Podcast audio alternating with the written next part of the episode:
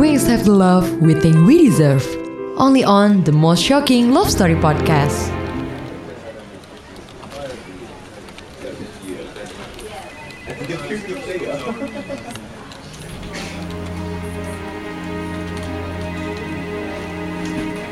Masih bisa gue ingat pertama kali ketemu Eira waktu nungguin interview di depan ruang HRD.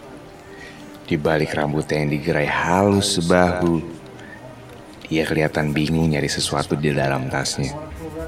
Berhubung kami sama-sama megang kertas biodata yang dikasih HRD, sepertinya dia lagi nyari bolpen buat nulis. Pas banget dong. Kalau gue dengan PD-nya, langsung nyodorin bolpen gue. Butuh bolpen? Eh, iya. Makasih ya. Pinjem. Pakai aja. Gue udah kelar kok. Eh, gue reda by the way. Sayang, sebelum cewek itu ngasih tahu siapa namanya, gue udah keburu dipanggil masuk ruangan interview.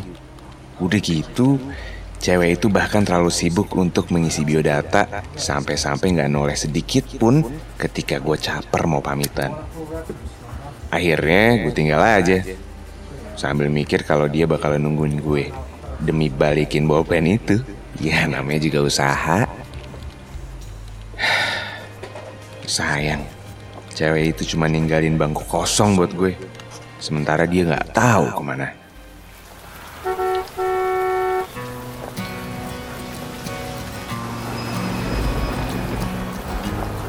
Ah, shit. Hari pertama gue masuk kerja, gue salah keluar pintu MRT. Mana hujan deras di luar stasiun. Sinyal gangguan pula. Gimana mau order taksi online? Kalau naik MRT lagi, gue masih tetap harus jalan kaki. Sementara gue nggak bawa payung. Sial, sial, sial. Ah, kebetulan ada taksi yang lagi nurunin penumpang. Gue pakai taksi itu aja. Lah, itu bukannya cewek yang bareng interview sama gue di HRD dua minggu lalu. Eh, dia ke arah taksi yang sama.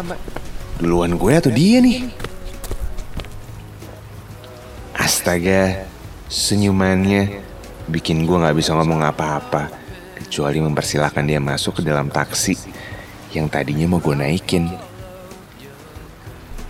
Silakan, pakai duluan aja taksinya. Oh, makasih ya.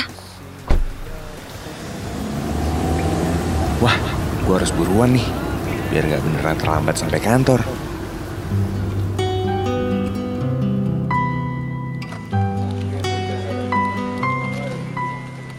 Untung aja gue berangkat lebih pagi hari ini. Selamat gue, kurang dua menit dari jam absen dan meeting pertama di kantor. Gue udah rapi dan siap memulai hari pertama kerja di kantor baru. Lah, itu bukannya si cewek yang interview sama gue di HRD. Dia lagi. Lah, kamu diterima di kantor ini juga? Orang bilang jodoh gak ke mana itu nyata ya. Ternyata kami sama-sama di hire jadi copywriter di perusahaan ini.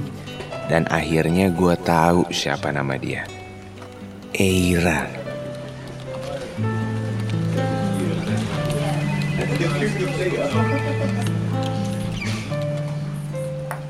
Makasih ya bawa pennya. Gak apa-apa, gue ada selusin kok. Eh, lo nggak makan siang? Gue traktir deh. Sejak itu, gue sama Ira jadi sering makan siang bareng. Ya, gak selalu berduaan sih, tapi bareng anak-anak kantor lain juga. Kadang kita suka tukar pikiran soal proyek yang lagi kita kerjain. Gue sih seneng banget dan selalu mengusahakan waktu untuk dia. Karena dia akhirnya jadi muse buat gue. Lo tahu kan muse itu apa? Muse itu adalah sosok mengagumkan yang bikin semangat kerja dan menghadirkan ide buat seseorang. Ah, segitu berpengaruhnya dia buat gue. Sampai bikin gue mikir, kayaknya gue harus nyatain perasaan gue deh ke dia.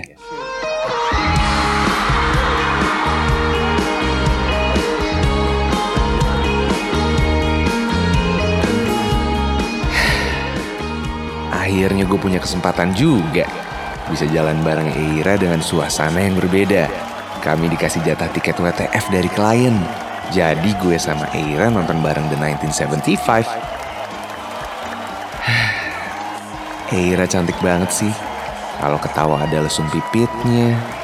Gue deg-degan. Kayaknya waktunya pas nih. Ra, gue suka sama lo. Lebih dari sekedar temen atau teman kerja. Gak ada maksud gue bikin lo ngerasa gak nyaman dengan ini. Apalagi kita sekantor. Tapi semakin hari perasaan gue sama lo semakin jadi. Maaf ya Ra, gue cuma pengen bilang sama lo. Hmm, gue nyaman sih sama lo, tapi kayaknya terlalu cepet kalau gue jawab sekarang. Banyak yang jadi pertimbangan dan harus kita pikirin, dah. Hmm, mungkin gak sih kalau kita enjoy the moment aja dulu? Gue sebenarnya udah nyiapin diri buat ditolak. Tapi jawaban Eira bikin perasaan gue makin hidup. Apalagi setelah itu, bibir Eira terasa begitu lembut membalas ciuman gue.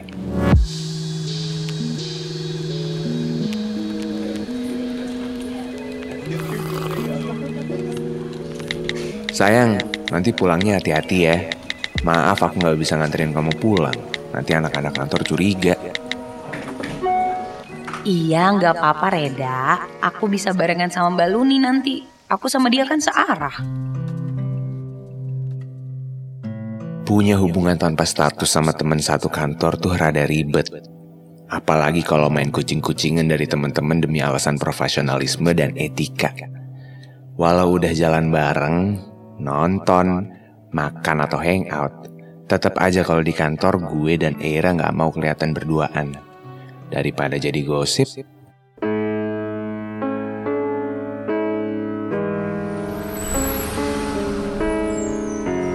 Kamu nggak mau mampir naik ke apartemenku dulu?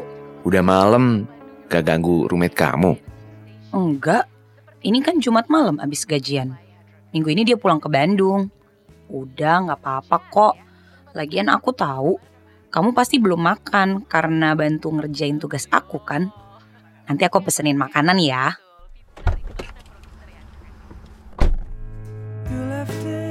Jujur apa aja bakalan gue kerjain buat Era.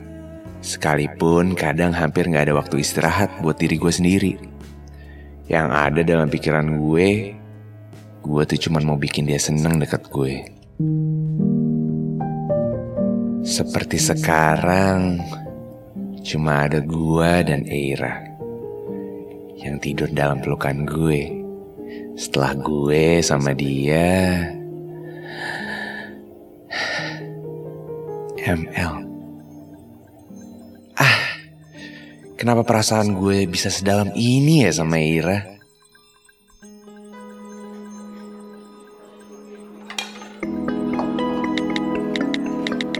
Kamu di mana kok belum sampai? Eh iya, aku harus lembur nih. Ada tambahan tugas. Lemburan apa? Kok aku nggak tahu? Project baru. Kan yang terakhir dua konsep berbeda udah kita bikin bareng. Iya, tapi ada yang baru. Aku harus langsung nemuin kliennya nih. Diminta Mbak Luni. Sorry ya, kayaknya aku nggak bisa nemuin kamu deh malam ini. Ntar kita ngobrol lagi ya.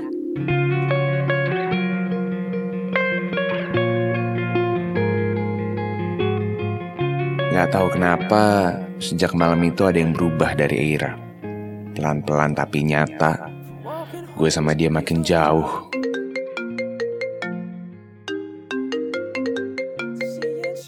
Halo Ra, nanti malam nonton live music yuk. Cari suasana baru, kali-kali nemu ide slogan bagus buat produk asuransi anak muda yang lagi aku kerjain. Hmm, pengen sih, tapi aku kayaknya ada janji nanti. Jam berapa sih kamu mau perginya? Janji kok kayaknya, artinya belum pasti dong. Udah, kita pergi bareng dulu yuk. Jam 9 kok. Kalau bisa, kamu majuin aja jam janjian kamu sama orang itu sebelum jam 9. Hmm, lihat nanti ya. Tapi aku nggak janji loh. Kalau aku bisa aku kabarin. Jawabannya sudah bisa diduga. Hampir mirip dalam beberapa hari belakangan ini, tapi intinya sama. Dia nggak mau. Sampai akhirnya, jangankan bisa intimacy atau jalan bareng. Kalau ketemu di kantor, kita berdua hampir terlihat kayak orang nggak kenal. Padahal udah 8 bulan gue sama dia jalan kayak orang pacaran. Tapi sikap dia jelas beda banget dalam satu setengah bulan belakangan ini. Ah, itu Ira. Kebetulan papasan nih sama dia di lorong kantor. Gue harus ngomong sama dia soal sikapnya yang berubah sama gue. Ra, kamu kenapa sih?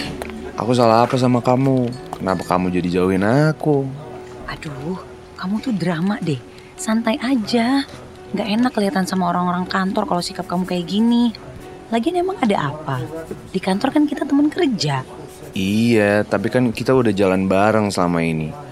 Apa yang kita kerjain bersama tuh bukan cuma sebatas teman kerja, Ra. Iya kita sama-sama dewasa aja kan. Lagian kita nggak ada status. Tapi Ra, tapi aku udah sayang banget sama kamu. Reda, jangan drama. Kamu harus ingat kita ada di mana sekarang.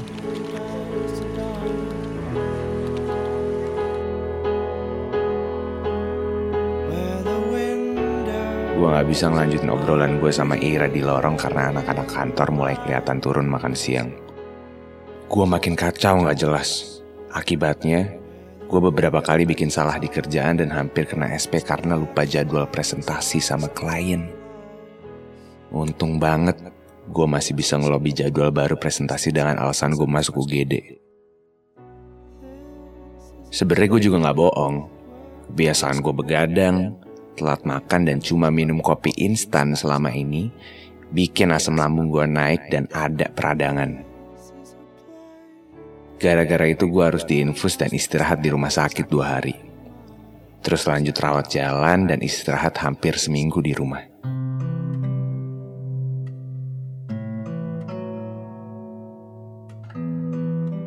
Gue butuh Aira. Gue telepon aja deh. Gue masih lemes dan agak pusing buat nulis WhatsApp.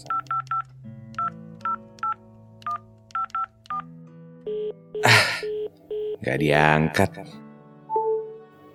Dia WhatsApp gue. Ada apa, Da? Aku lagi meeting nih. Ntar aku telepon balik ya. Aku sakit, Ra. Baru banget balik dari rumah sakit. Aku kena asam lambung dan radang. Aku masih harus bed rest beberapa hari lagi di rumah. Get well Sunda.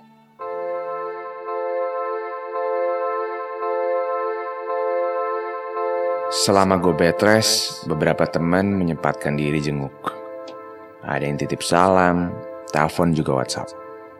Tapi Eira baru nanyain keadaan gue di hari pertama gue masuk kantor. Setelah sembuh, barengan sama kreatif director gue yang mampir ke meja gue. Hmm, tapi itu aja udah bikin semangat gue balik. Apalagi dia juga masih duduk di dekat meja gue. Setelah bos gue pergi untuk ngobrol. Walaupun harus agak canggung dengan gaya ngomong bahasa gue elo di kantor. Tapi gue tetap seneng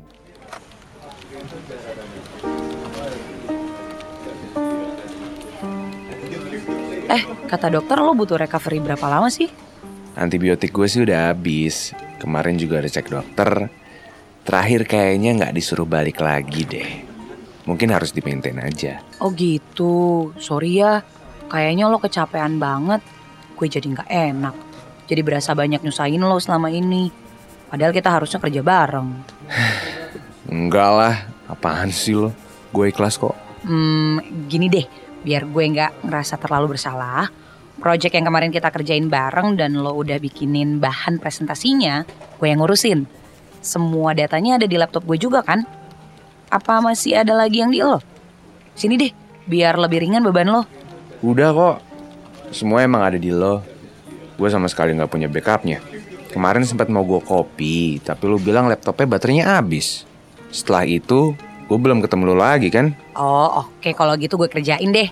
Gue balik ke meja gue dulu ya. Get well soon Reda. Mungkin bener. Selama ini, gue aja yang overthinking. Eira hanya menjaga profesionalisme kerja di kantor. Buktinya, dia perhatian banget buat bantuin ngurusin kerjaan gue. Ah, gue harusnya malu sama kelakuan gue yang kemarin. Drama. Gue makin sayang deh sama Ira.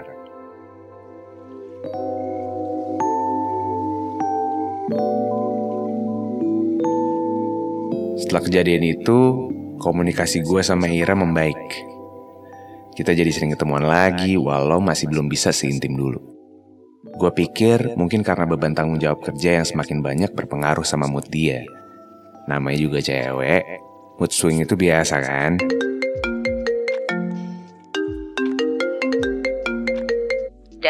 Kamu ada waktu nggak?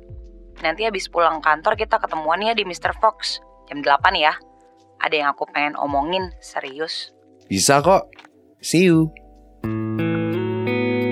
Mau ngomongin apa ya? Tumben dia ngomongnya serius banget. Apa ada masalah dengan presentasi yang gue bikin kemarin? Ah, gue gak mau mikir jelek.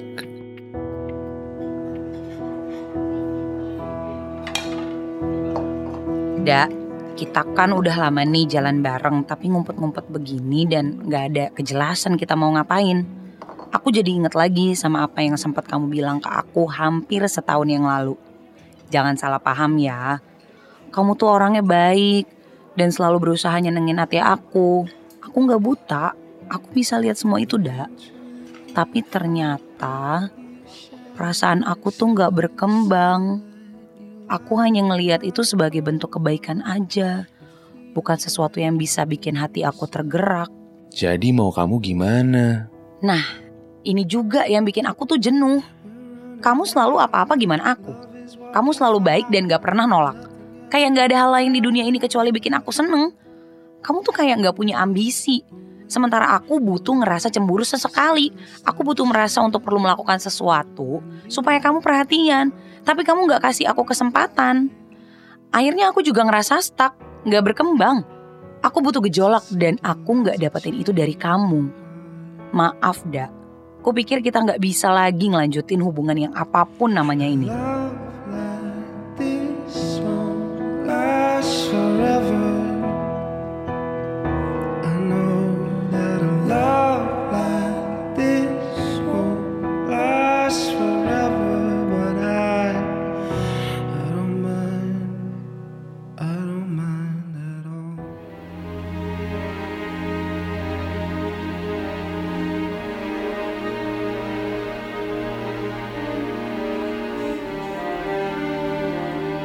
Sampai hari ini gue masih nggak paham letak kesalahan gue tuh di mana. Gue hanya berusaha memperlakukan perempuan yang gue sayang dengan baik. Sedih gak sih? Sementara gue mikir di mana salah gue, gue baru tahu dari teman kantor kalau Era mau dipromosiin buat jadi project leader dari project besar yang sempat gue kerjain bareng sama dia kemarin. Gue gak nyangka, dia akhirnya ngambil semua materi yang udah gue bikin dan bilang kalau semua hasil kerja bareng kita adalah hasil kerjaan dia sendiri. Gue hanya bisa diam karena gue gak pegang bukti sama sekali. Yang paling nyakitin adalah dia ternyata udah pacaran sama anak klien perusahaan besar yang punya proyek itu kurang lebih sejak empat bulan lalu. Waktu yang sama dengan sikapnya yang berubah sama gue. Dan sekarang gue baru menyadari kebodohan gue.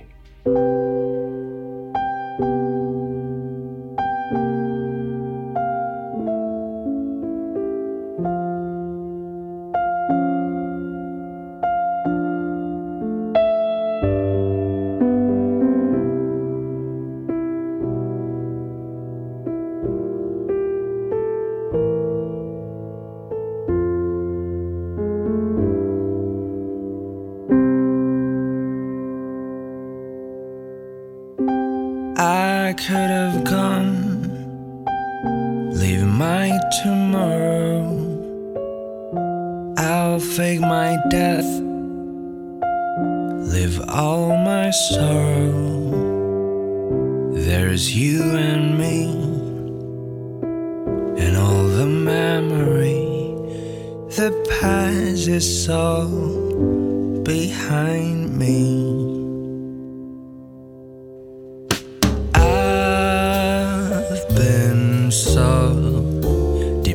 depressingly lonely, and I've been floating on the sea.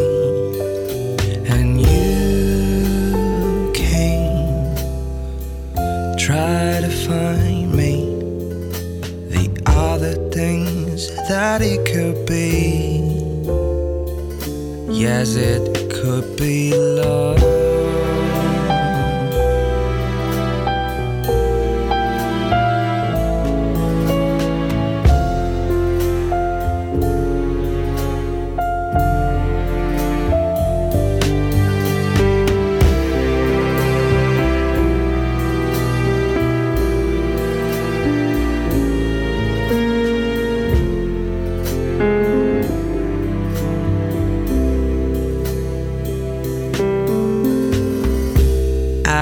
21 and I'm just begun.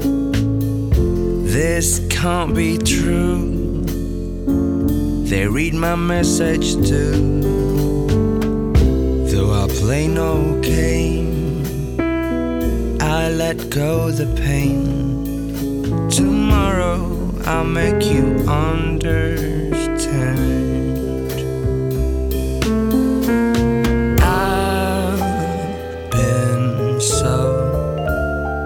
Depressingly lonely, and I've been floating on the sea, and you came, try to find me the other things that it could be. Yes, it